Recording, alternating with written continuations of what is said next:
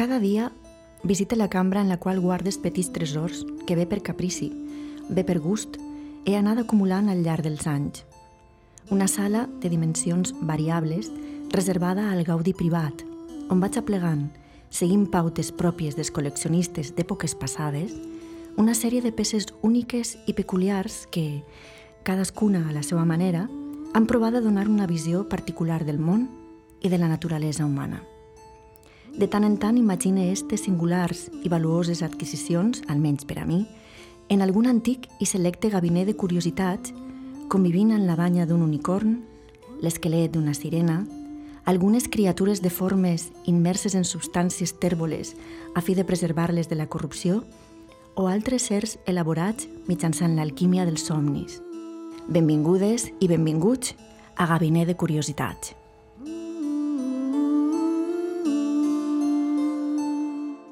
Gabinet de Curiositats. Amb Anna Moner.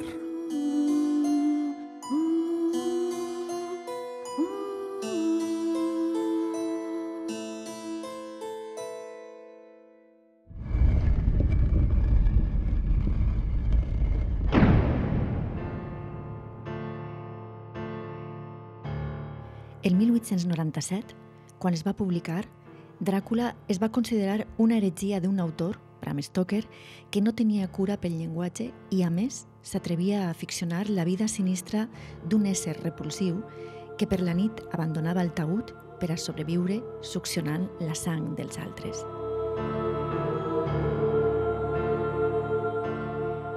Les llegendes de morts que tornen a la vida per a veure's la sang humana es troben en quasi totes les cultures de les quals ha quedat constància. Així ho explica Van Helsing, el caçador de vampirs, en la novel·la. Deixeu-me dir-vos que el vampir es coneix arreu on hi ha homes. A l'antiga Grècia i a la vella Roma. Adquirí importància per tot Alemanya i França, a l'Índia i a Chersonís i fins i tot a la Xina, tan allunyada de nosaltres en molts aspectes, on la gent ara mateix el tem. Ha seguit els guerrers nòrdics d'Islàndia, els uns, fills del diable, els eslaus, els saxons i els magiars. El vampir continua viu i no pot morir pel pas del temps, ja que pot recuperar-se xuclant la sang dels vius. No té ombra ni es reflecteix al mirall, té la força de molts a les seues mans, és capaç de transformar-se en llop, pot convertir-se en un rat penat, té la capacitat d'aparèixer dins la boira que ell mateix crea. Pot, un colp n'ha trobat la manera, entrar o sortir de qualsevol lloc, encara que siga totalment tancat. És capaç de veure en la foscor, la qual cosa no és poc en un món que està a la meitat del temps a les fosques. Avui ens endinsarem en la història de Bram Stoker i en tot allò que hi ha darrere.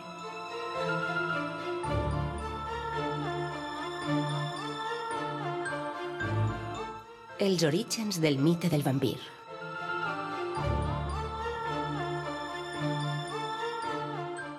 Els estudiosos asseguren que la creença en els xupladors de sang té els orígens a l'Orient. De fet, encara es recorden contes xinesos que feien referència a criatures verdes recobertes de floridura que s'alimentaven de sang i resplendien en la foscor. A l'edat mitjana, els mites i llegendes sobre éssers perillosos van adquirir nous matisos clarament sexuals. D'una banda, els dimonis d'aparença femenina, els súcubs, seduïen els homes joves mentre dormien i els absorbien els fluxos vitals en el moment del clímax. D'altra banda, els íncubs, dimonis de sexe masculí, tenien comerç carnal amb dones durant el son i, a més, s'encarregaven de fecundar les bruixes. Per tant, podem dir que Dràcula naix de la tradició europea més que no de la tradició de països remots.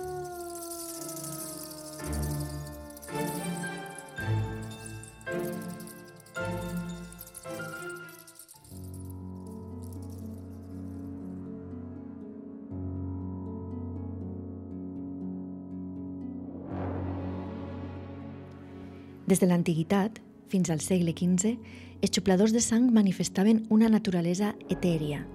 eren fantasmes i, per tant, pertanyien només al món dels esperits. A partir de llavors van prendre corporeitat i van desenvolupar un intens erotisme.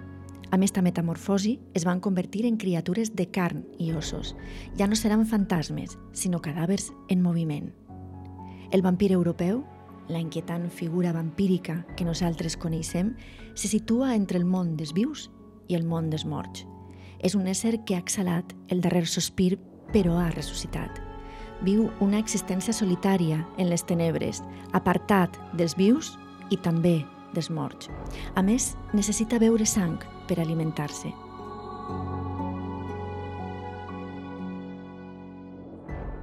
A la Gran Bretanya, com que no hi existien llegendes vampíriques autòctones, la invasió dels no morts al llarg del segle XVIII no va arribar a través del folklore, sinó de la literatura.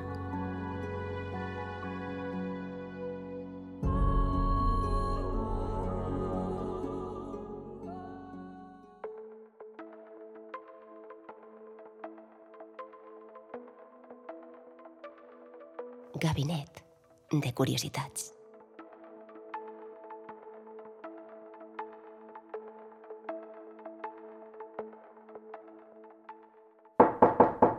Passa, passa, Sebastià, ja tenia ganes que arribares. Ho has portat tot? Crec que no oblidat res. Una estaca, un crucifix, una pistola carregada amb bales de plata, els elements imprescindibles per a enfrontar-nos a Dràcula. Ah, i uns llibres especials que... Que tenen molt a veure amb els vampirs i amb la novel·la de Bram Stoker, com, com este exemplar de Barney el vampir. Llibres de vampirs anteriors a Dràcula. Els seus membres meravellosament arrodonits tremolaven amb l'angoixa de la seva ànima. Els ulls vidriosos i horripilants de la figura embestien aquella forma angèlica amb una espantosa satisfacció, una profanació horrible. Quan es desploma, s'apodera del seu coll amb els ullals, seguit d'un raig de sang i del soroll horripilant de les xuclades. La noia s'ha desmaiat i el vampir es disposa a fer el seu àpat repulsiu.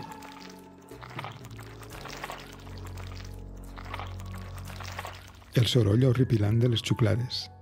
Així va descriure James Malcolm Reimer l'atac de Barney el vampir a una jove. Barney el vampir, una història de terror gòtic de l'època victoriana que es va publicar entre el 1845 i el 1847 en una sèrie d'entregues periòdiques conegudes com Penny Dreadful, terror de penic pel seu contingut i el, i el preu barat.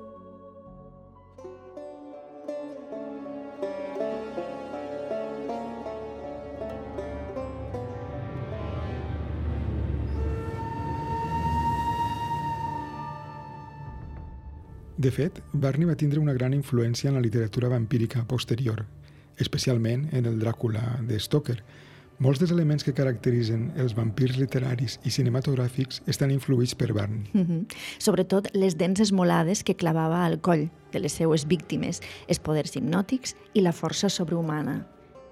I també altres ingredients essencials en les novel·les de vampirs. Sí, ingredients com la iniciació sexual de les donzelles, els mètodes quasi científics d'eliminació de la criatura i l'estil policial per a, per a caçar-la.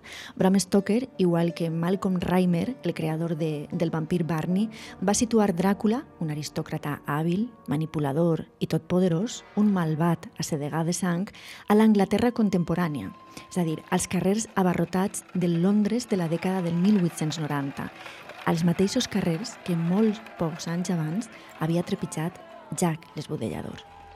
Cal recordar que hi ha un altre antecedent de Dràcula, un antecedent que va sorgir de la mateixa llavor que Frankenstein. Del 1816, l'any sense estiu, a Vila Diodati, uh -huh. a la vora del llac Lehmann. Sí, en la trobada de Byron, John Polidori, el seu metge personal, i Percy i Mary Shelley, una llavor que va sorgir la nit en què Byron va proposar que cadascú escriguera un conte de, de terror. Com a resultat, Mary Shelley va crear el monstre de Frankenstein i Polidori va escriure un relat titulat El vampir, que es va publicar l'any 1819. Lord Ruthven, el vampir creat per John Polidori, és un aristòcrata fastiguejat de la vida, malvat, calculador, astut i irresistible per a les dones innocents. A més, és un llibertí i un misàntrop.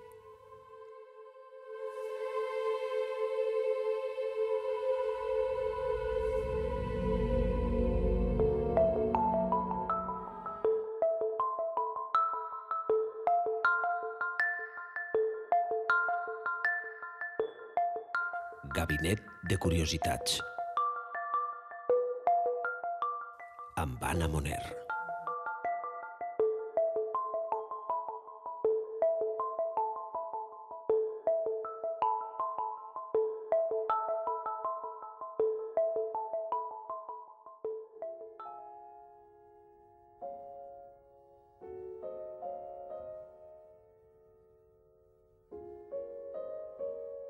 Hem fullejat Barney el vampir, de Malcolm Reimer, El vampir, de John Polidori, i també tenim Carmilla, de l'escriptor irlandès Joseph Sheridan Le Fanu. Sí, un relat de vampirs que molts aficionats consideren el millor. Carmila és un relat profundament gòtic, farcit de boires nocturnes, llunes plenes, diligències negres i emplaçaments europeus. Però, a diferència de les altres que hem mencionat, és una obra prenyada de sensualitat. A més, el fet que Carmilla, la vampira, siga lesbiana no té precedents literaris. No, així és.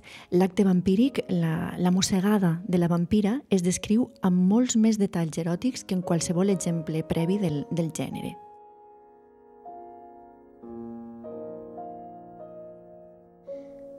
De vegades, la meua estranya i bonica amiga m'agafava la mà i me la retenia, estrenyent-la afectuosament, mirant-me el rostre amb els ulls lànguids i ardents, i respirant tan de pressa que el seu vestit pujava i baixava com la tumultuosa respiració. Era com l'ardor d'un enamorat. Em torbava. Era odiosa i, tanmateix, irresistible. Amb mirada ansiosa, m'atrella cap a ella i els seus càlids llavis recorrien a petons les meues galtes mentre xiu-xiuejava, quasi xanglotant. Ets meua, seràs meua, i tu i jo serem per sempre.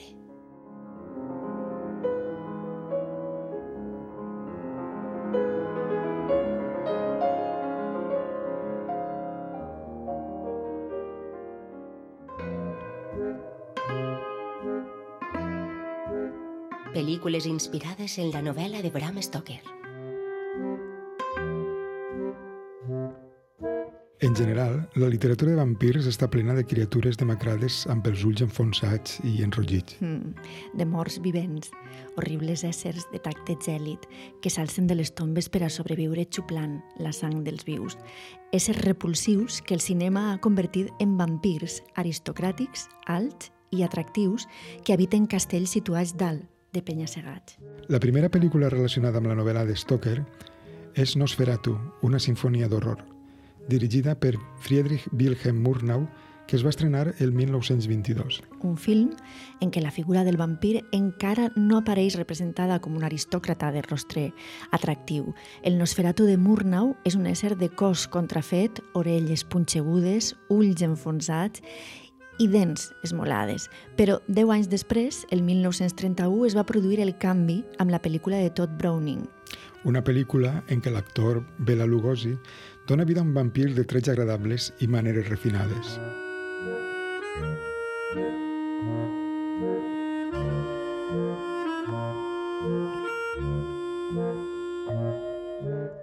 Hi havia una curiositat sobre Todd Browning que potser no coneixes.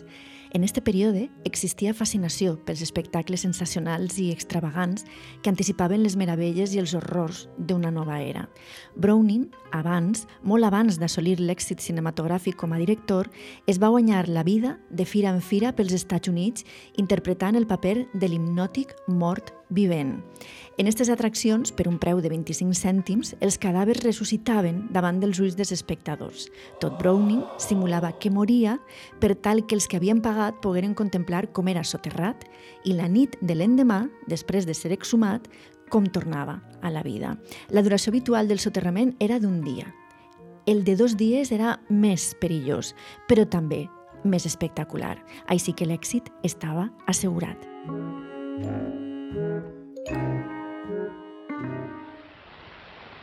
I am Dracula. Oh, it's really good to see you. L'actor Bela Lugosi ja mostrava una aparença distingida i seductora, una imatge que la gran pantalla va perfilar més encara en el Dràcula de l'any 1958, una pel·lícula produïda per la Hammer, dirigida per Terence Fisher i protagonitzada per l'inoblidable Christopher Lee.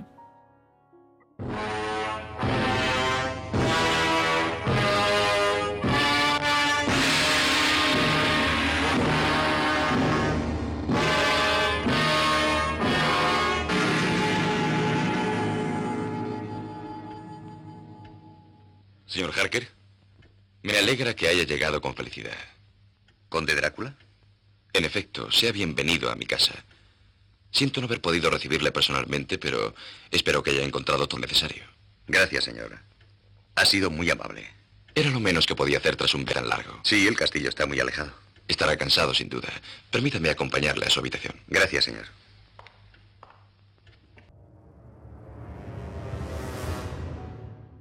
L'any 1979, Werner Herzog va dirigir una nova versió del mític film de Murnau titulada Nosferatu, el vampir de la nit. I així és Klaus Kinski qui interpreta la criatura xupladora de sang, un actor que tenia unes faccions molt apropiades per posar-se en la pell del vampir creat per Murnau, perquè Klaus Kinski resulta atractivament repulsiu.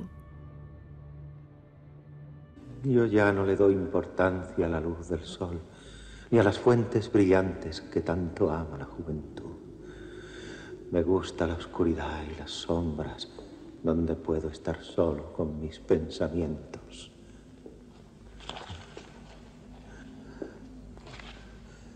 Soy el descendiente de una antigua familia.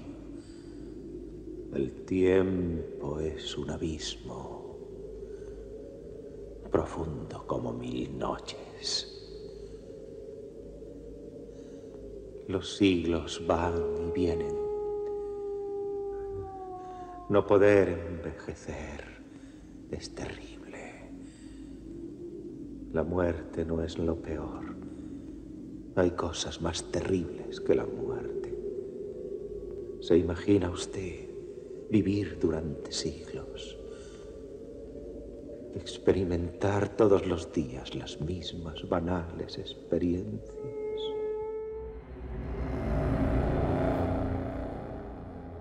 I tampoc no podem oblidar la pel·lícula que fins ara ha adaptat de manera més fidel la novel·la de Stoker. La que Francis Ford Coppola va dirigir l'any 1992.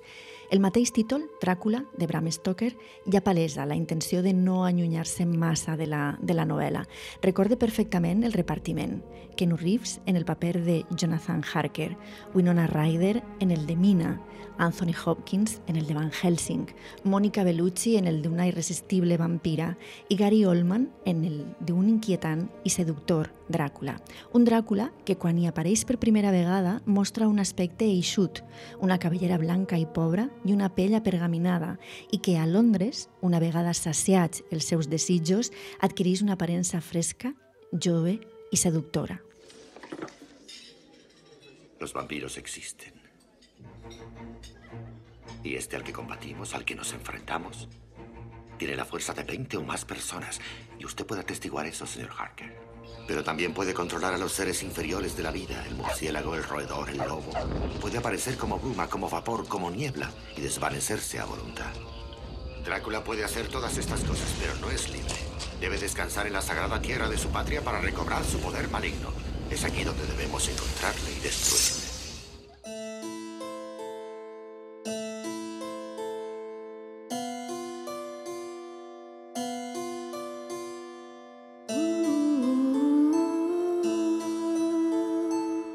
Gabinet de Curiositats.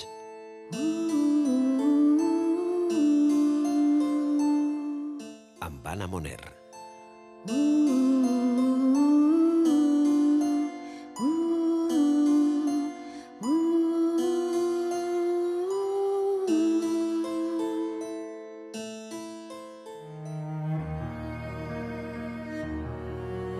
La novel·la.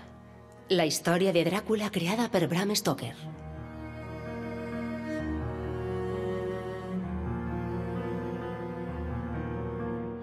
Puc agafar el llibre de Stoker? No l'he portat perquè sé que forma part del teu gabinet de curiositats. Sí, està en aquella prestatgeria, al costat del peu de mòmia. Per cert, un altre dia en parlarem de mòmies. Ara, si t'avellís, endinsem-nos en el Dràcula, de Stoker. Bé, però no puc quedar-me molta estona. No et preocupes, quan te n'hagis d'anar ja ho saps. La història comença amb el viatge de Londres als Càrpats d'un jove advocat, Jonathan Harker, per tal de trobar-se amb el comte Dràcula que ha sol·licitat els seus serveis per a dur a terme una transacció immobiliària a Londres. Harker és un home de lleis qualificat, però inexpert, que exercís a Exeter. El seu tarannà tranquil, franc i eficient i la seva discreció són perfectes per a la professió a la qual es dedica. Harker desconeix els plaers del bon menjar i el bon beure i li agraden les accions rutinàries com donar corda al rellotge abans d'anar a dormir o doblegar curosament la roba.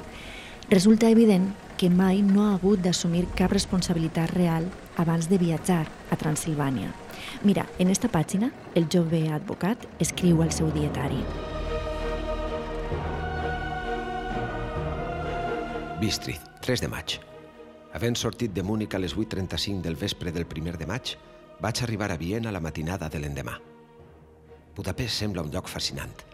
La sensació que vaig tenir fou que anàvem deixant l'oest i ens endinsàvem a l'est. Quan vaig ser a Londres, com que disposava de temps, vaig visitar el Museu Britànic i vaig estudiar els llibres i mapes de la biblioteca referents a Transilvània. Havia pensat que un coneixement previ del país em podria ser de gran utilitat i importància per tractar amb un noble d'aquella terra. Vaig descobrir que la regió que m'havia mencionat es trobava a l'extrem oriental del país, just a la frontera de tres estats, Transilvània, Moldàvia i Bucovina, al vell mig de la serralada dels Càrpats, una de les parts més salvatges i desconegudes d'Europa.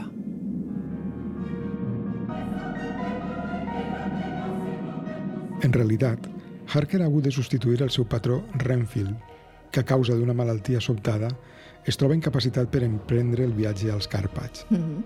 Al principi, Jonathan Harker és rebut amb hospitalitat pel comte Dràcula, un ancià excèntric però amable, un home orgullós dels seus avantpassats, i tots dos mantenen converses sobre Londres i els seus costums fins que ix el sol, moment en què l'anfitrió es retira.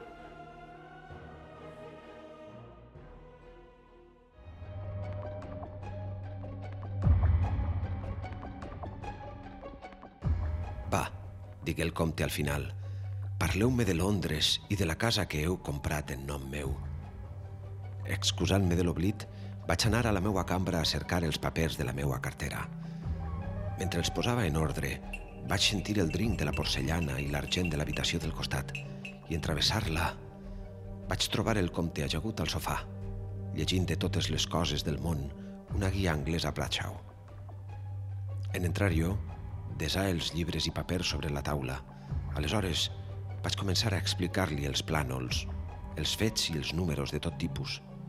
Estava interessat en tot i en feu una rècula interminable de preguntes sobre el lloc i els seus voltants. Era clar que ell havia estudiat d'antubi tot el que va poder aconseguir sobre el seu veïnat, atès que al final en sabia molt més que no pas jo.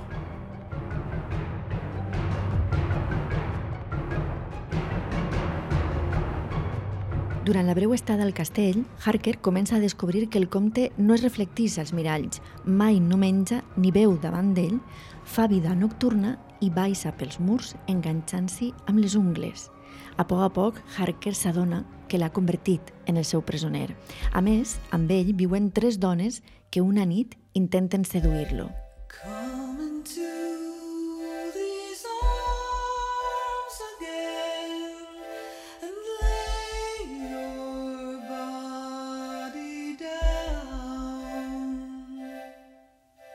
Un colp vaig haver escrit en el meu diari i després de desar el quadern i la ploma a la butxaca em va venir la son. Aleshores, malgrat que l'avís del comte em vingué a la memòria, vaig trobar un cert plaer a desobeir-lo. Vaig decidir no tornar aquella nit a les habitacions plenes d'espants i dormir aquí, on les dames d'antany havien segut, cantat i viscut amables existències. Crec que em devia dormir, això espere, però tem que no fos així, ja que tot el que va seguir fou extraordinàriament real.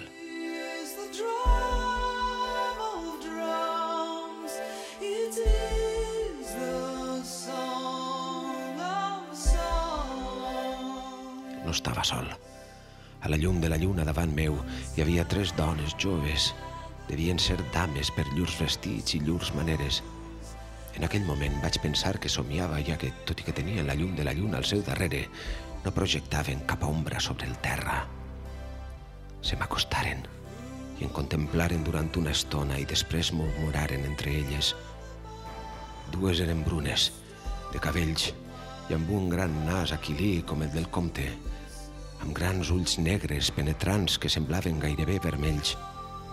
La tercera era molt rosa, amb grans blens ondulats de cabells daurats i uns ulls com pàl·lids sàfirs. Totes tres tenien les dents blanques i lluents, que brillaven com perles prop del roig esclatant dels seus llavis voluptuosos. Però tenien un no sé què que em feia sentir incòmode. Era una barreja estranya de desig i de por. Sentia dins del meu cor una ànsia irrefrenable i malèvola que em besassen amb aquells llavis tan rojos. Tornaren a xiu-xiuejar entre elles i esclafiren a riure amb unes rialles d'un to metàl·lic i musical i tan fortes que era impossible que haguessin brollat de la suavitat uns llavis humans. Vaig romandre quiet sense gosar a aixecar les parpelles, en l'agonia deliciosa de l'expectació. La noia rosa s'avançà cap a mi i s'inclinà fins que vaig poder sentir el seu alè. Era dolç en certa manera, dolç com la mel, i produïa en els meus nervis el mateix drinc que la seva veu, però amb un regust amargant, com l'olor ofensiva de la sang fresca. No gosava obrir les parpelles, però mirava entre les pestanyes. La noia s'agenollà i inclinà el coll, llevant-se els llavis com un animal. De mica en mica anava baixant el cap i els seus llavis anaren passant per la meua boca, després pel meu mentó, i finalment semblar que s'aferraven al meu coll. Vaig poder sentir el tacte suau dels seus llavis i el tremolor a la pell més sensible del meu coll quan les seues dents afilades se'm clavaven amb forta pressió i em deixaven tot seguit. Al mateix moment, però, percebia la presència del comte convoltat d'una tempesta de fúria. En obrir els ulls, vaig veure la seva poderosa mà estrenyent el coll prim de la noia rosa amb una violenta estrebada del seu braç, l'apartà i avançà seguidament cap a les altres dues amb un gest que les feu retrocedir, amb una veu que, tot i sent molt baixa com un murmuri, semblava tallar l'aire i envoltar la cambra, exclamar Com goseu tocar-lo cap de vosaltres? Com goseu posar-hi els ulls quan us ho havia prohibit? Feu-vos enrere, us dic. Aquest home em pertany. Compte acostar-vos-hi, us les haureu amb mi.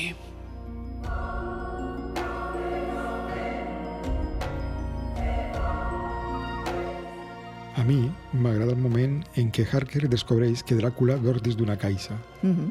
Quan el veu s'horroritza perquè sembla que, que estiga mort i, i té restes de sang als llavis. En un cantó de l'habitació hi havia una porta molt pesada.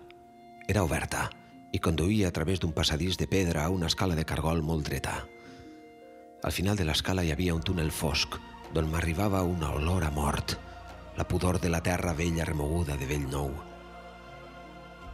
A mesura que m'endinsava pel túnel, la pudor s'anava fent més forta i més pròxima. Finalment, vaig empenyer una pesada porta que era ajustada i em vaig trobar en una capella antiga en ruïnes que, evidentment, havia estat utilitzada com a cementiri.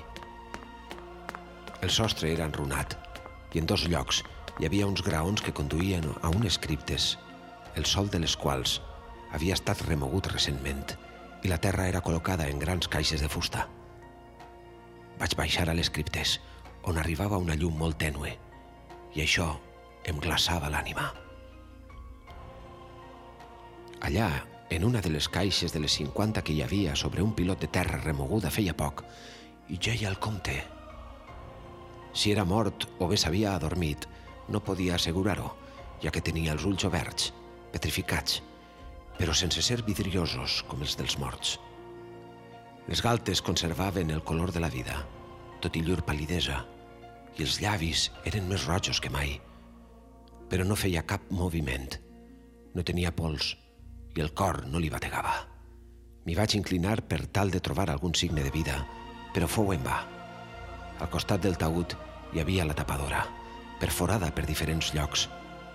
Vaig pensar que potser portava les claus amb ell, però en anar a regirar-li les butxaques vaig veure-li als ulls, tot i que eren com morts, una mirada de ràbia que, encara que no fos conscient de la meva presència, em feu escapar d'aquell lloc. Finalment, Harker aconseguís fugir del castell, on està retingut per les vampires, mentre Dràcula viatja en condicions estranyes dins d'una caixa plena de terra transilvana consagrada en direcció al port de la ciutat de Whitby, a Anglaterra. El seu dietari revela que és un home observador i sagaç, i durant l'empresonament Harker demostra tindre iniciativa i un gran valor personal. De fet, l'advocat és un dels pocs personatges empresonat per vampirs que aconseguí sobreviure per explicar-ho gràcies al seu coratge i la seva astúcia.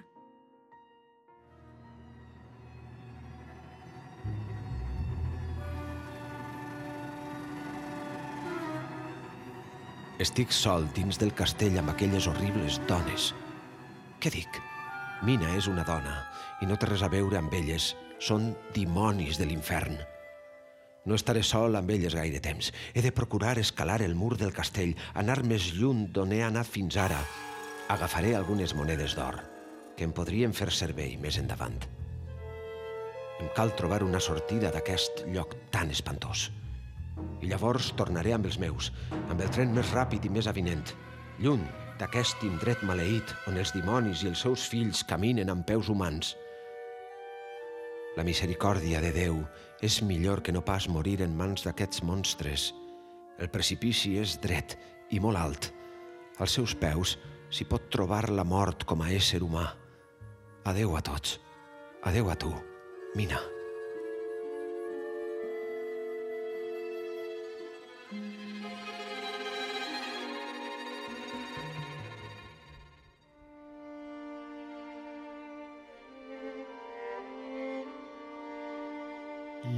Què em dius del personatge de Renfield? El patró de Harker, el primer personatge que contacta amb Dràcula per qüestions de negocis i, i es trastorna.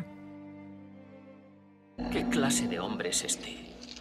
R.M. Renfield, próspero notario de la firma de Hawkins y Tompkins, respetado socio del Club Wyndham de Lord Nugent.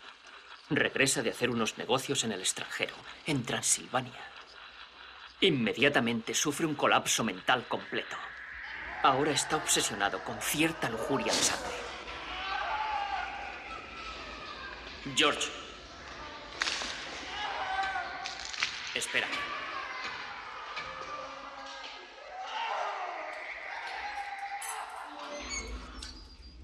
¿Le apetece un hors doctor Seward, o un canapé? No, gracias, señor Renfield. ¿Cómo se encuentra esta noche? Mejor que usted, médico enfermo de amor. ¿Mi vida privada le interesa? Por supuesto, toda vida.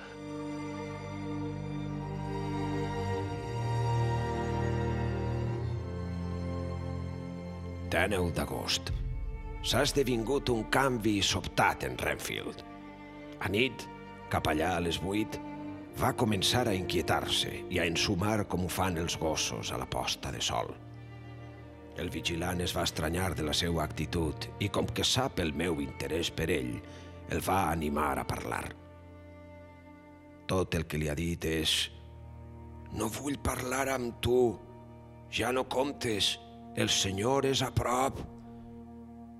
El vigilant creu que li ha agarrat un rampell de religiositat tot d'una. Si és així, hem de vigilar els seus atacs, perquè un home com ell, amb manies homicides i religioses alhora, pot ser perillós. La combinació és realment esfereïdora.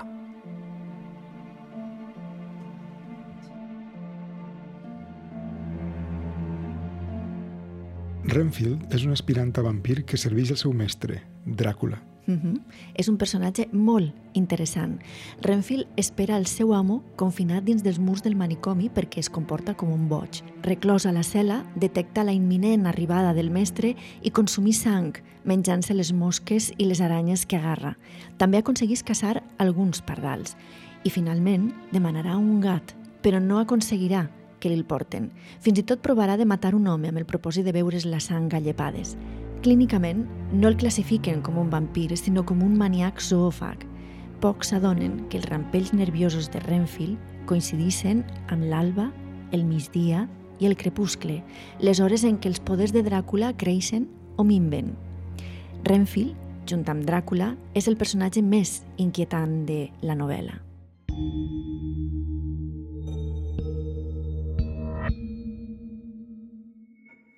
1 de juliol.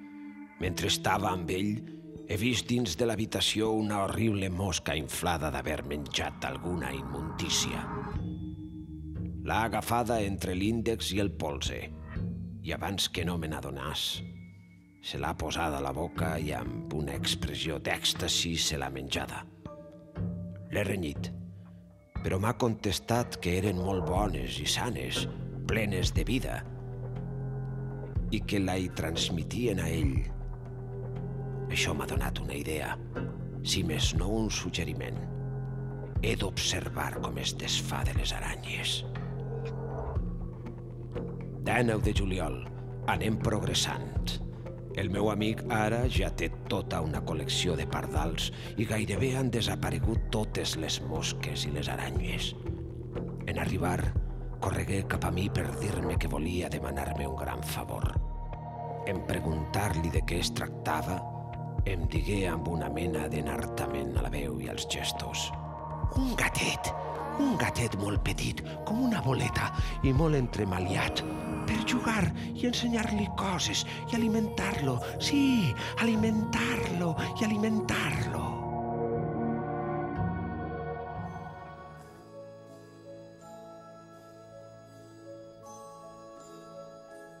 També és molt interessant el moment en què apareix en escena Mina Murray, la promesa de Harker. Sí, de sobte, Stoker centra la nostra atenció sobre el personatge que es convertirà en l'obsessió de Dràcula. Mina Marray passa uns dies amb la seva amiga, Lucy Westenra, una jove atinerada i molt atractiva en un hotel de Whitby. Arthur Homewood, el doctor Seward i Quincy Morris, tots tres, li han proposat matrimoni i ella ha decidit casar-se amb Arthur, del qual està enamorada. Lucy és ingènua, ociosa, atractiva i riallera i no mostra cap qualitat excepcional. Li agrada que els homes l'adulen i col·lecciona pretendents.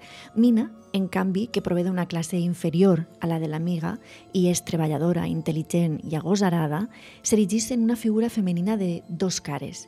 Presenta alguns atributs associats a la dona moderna, però en el fons es revela com una dona religiosa de fortes conviccions morals.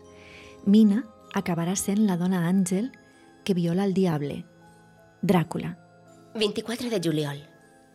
La Lucy, més bonica i encisadora que mai, m'ha vingut a recollir a l'estació i ens hem traslladat a l'Hotel Crescent, en el qual tenim habitacions. És un lloc formidable. Als afores del poble hi ha les ruïnes de l'abadia de Whitby, que fou saquejada pels danesos. 1 d'agost. Em sent molt trista. No he tingut cap carta. Espero que no li hagi passat res a Jonathan. Em pregunte on deu ser-hi si pensa en mi. M'agradaria tant que fos aquí.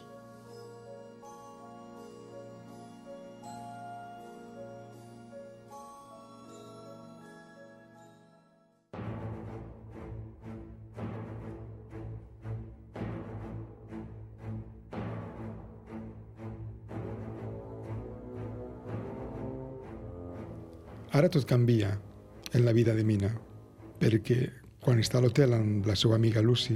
El Demeter, el vaixell en què viatja el comte i les seues caixes de terra, encalla al port de Whitby enmig d'una gran tempesta. Tota la tripulació ha desaparegut i només troben el capità, lligada al timó i aferrat a un crucifix. Al diari de bord parla de les desaparicions progressives dels membres de la tripulació a causa d'una presència maligna. Poc després, el reflector descobria en la llunyania una goleta amb totes les veles hissades. Hi hagué un estremiment de temor entre els curiosos que s'havien aplegat, ja que s'adonaven del terrible perill que amenaçava l'embarcació. Els raigs del reflector es mantingueren assenyalant l'entrada del port, del cantó est, on es temia que xocàs, i tothom contenia la respiració. El reflector la seguia i un calfred general s'emparà d'aquells que la miraven, perquè lligat al timó hi havia un cadàver amb el cap caigut que es balancejava horriblement d'un cantó a l'altre, seguint el moviment del vaixell. No es podia veure cap més ésser humà a coberta. Un crit d'esglai sorgí dels llavis d'aquells qui s'adonaren que la goleta, com per miracle, havia entrat al port guiada per la mà d'un mort. Quan el vaixell en va arrencar, es produí una profunda commoció. Però el més estrany de tot fou que, al mateix temps que xocà amb la sorra, un gos immens aparegué al pont, com si la batjagada l'hagués projectat endavant, i arrencà a córrer sobre l'arena. Fugí corrent amb grans salts cap al cim de l'espadat, fins al cementeri que sembla abocar-se al camí que va al dic de l'est. Whitby, 9 d'agost. Les conseqüències de l'estranya arribada, a nit, del vaixell abandonat enmig de la tempesta són encara més sorprenents que el fet en ell mateix. Sembla ser que la goleta russa procedent de Varna, que porta per nom de Meter, va completament llastada amb pols de plata i amb una petita càrrega. Una gran quantitat de caixes de fusta plenes de terra. Aquest carregament anava consignat a un advocat de Whitby, Mr. Billington, del carrer de Crescent número 7, que aquest matí ha pujat a bord per prendre possessió formalment de la mercaderia enviada a nom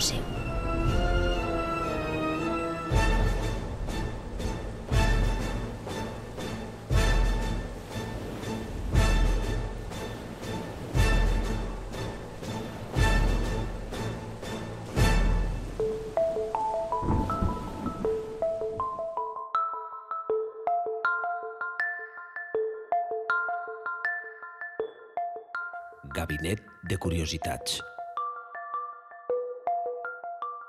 Amb Anna Moner.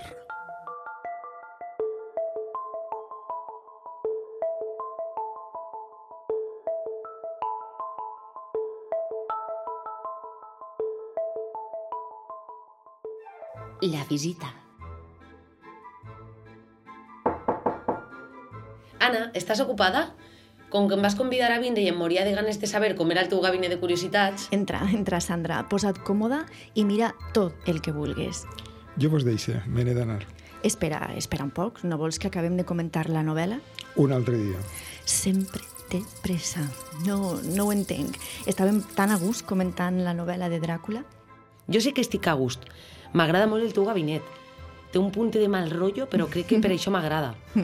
Quantes coses rares hi ha així dins. Una col·lecció espectacular. Insectes enormes, animals dissecats, criatures deformes... M'agrada, m'agrada molt. De què estàveu parlant? De la novel·la Dràcula. La de Bram Stoker. He vist la pel·lícula en què Willem Dafoe feia de Nosferatum i també la de Coppola, però no he llegit el llibre, me'l recomanes? I tant.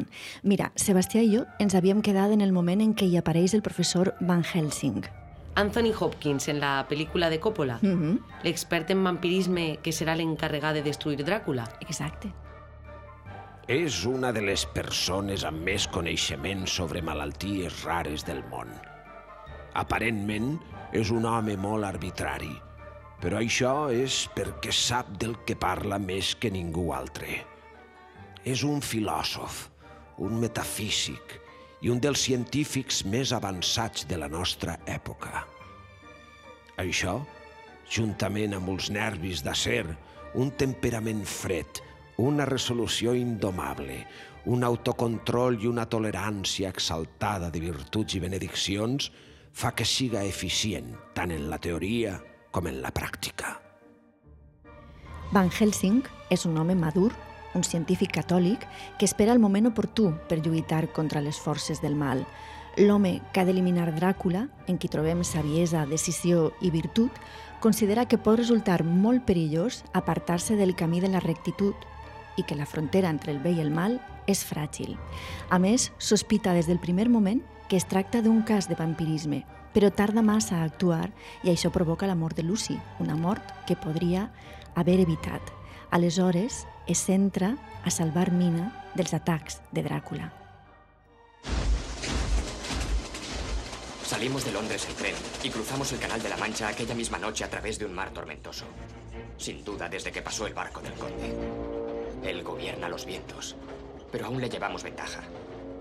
En tren podemos llegar al puerto rumano de Varna en tres días. En barco se tardará por lo menos una semana. Desde París viajamos a través de los Alpes hasta Budapest. El conde debe rodear el peñón de Gibraltar, donde hemos situado a un vigía. Y luego llegará al puerto de Varna en el Mar Negro, donde encontraremos su barco y lo enviaremos mar adentro en llamas.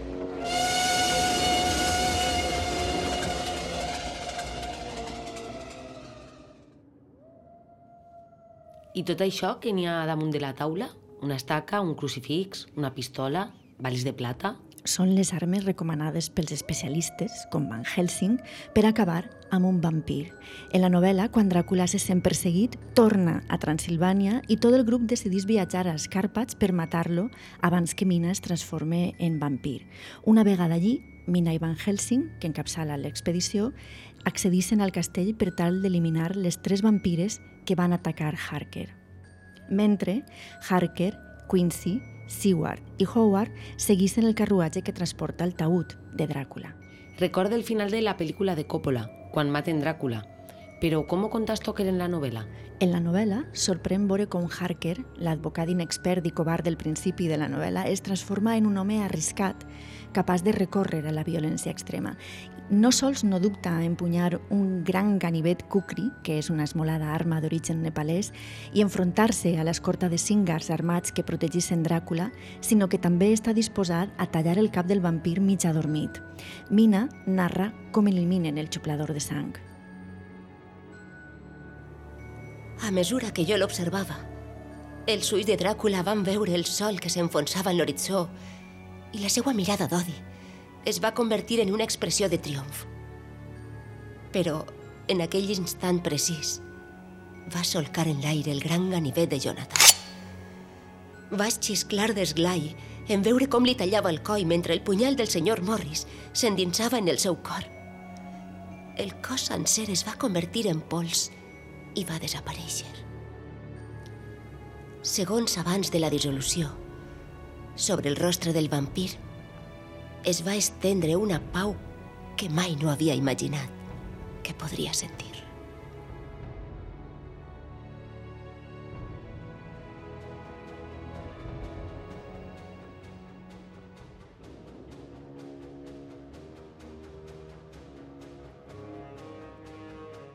Em deixes el llibre? M'has fet ganes de llegir-lo.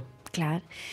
Per cert, Sandra, t'has preguntat alguna vegada per què Stoker va anomenar Dràcula el seu vampir? No, la veritat és que, és que no. Per què? Segurament pel príncep de Valàquia del segle XV, Vlad Tepes, l'empalador, també conegut com Vlad Dràcula. Dràcula en valac vol dir dimoni i també drac. Uh -huh. Un nom molt adient per a este personatge, ja que les notícies que ens han arribat de les seues atrocitats són esgarrifoses. Empalava els seus enemics amb una estaca arrodonida i greixosa que es introduïa per l'anus. Un turment terrible que durava hores o, com preferia Tepes, dies. A més, en ocasions, Vlad Dracul ordenava col·locar els pals en forma de cercle i en una taula situada al centre, al mig dels cossos empalats, menjava i bevia a plaer. Com veus, el llegat d'este personatge és terrible, ja que va executar unes 100.000 persones.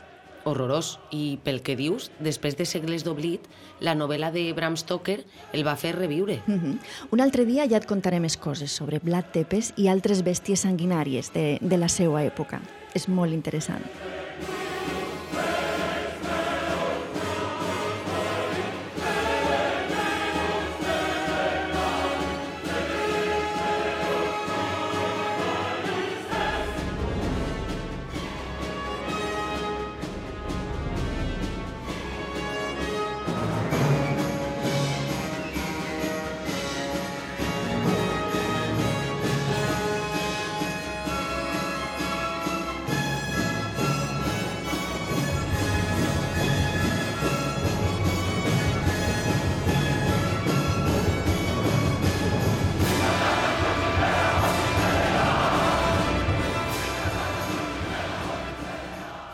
Acontece la sorprendente y aterradora historia del salvaje y enloquecido príncipe Drácula.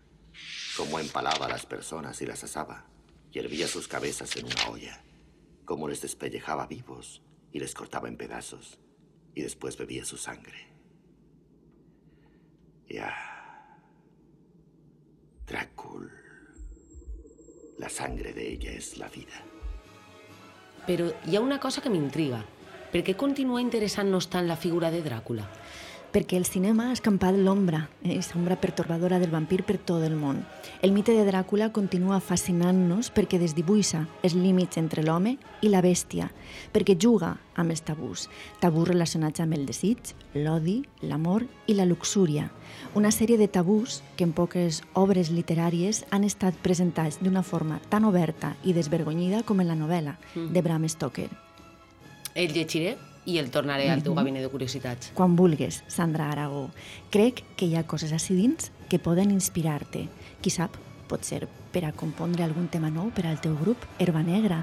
Ja saps que pots tornar-hi quan t'avellisca. Segur que sí. Tots podeu tornar al meu gabinet quan ho desitgeu. Vos esperaré molt ben acompanyada. Avui hem estat en la sintonia d'Apunt Mèdia, Sandra Aragó a la producció, Héctor Tirado a la realització, Sebastià Carratalà i Anna Monera a la direcció i la redacció i Jordi Ballester, Yolanda Muñoz, Sandra Aragó, Sebastià Carratalà i Anna Moner als micròfons. I recordeu que, com deia Oscar Wilde, l'art no ens pot ferir. Un bes. Ha ha ha ha ha ha ha ha ha ha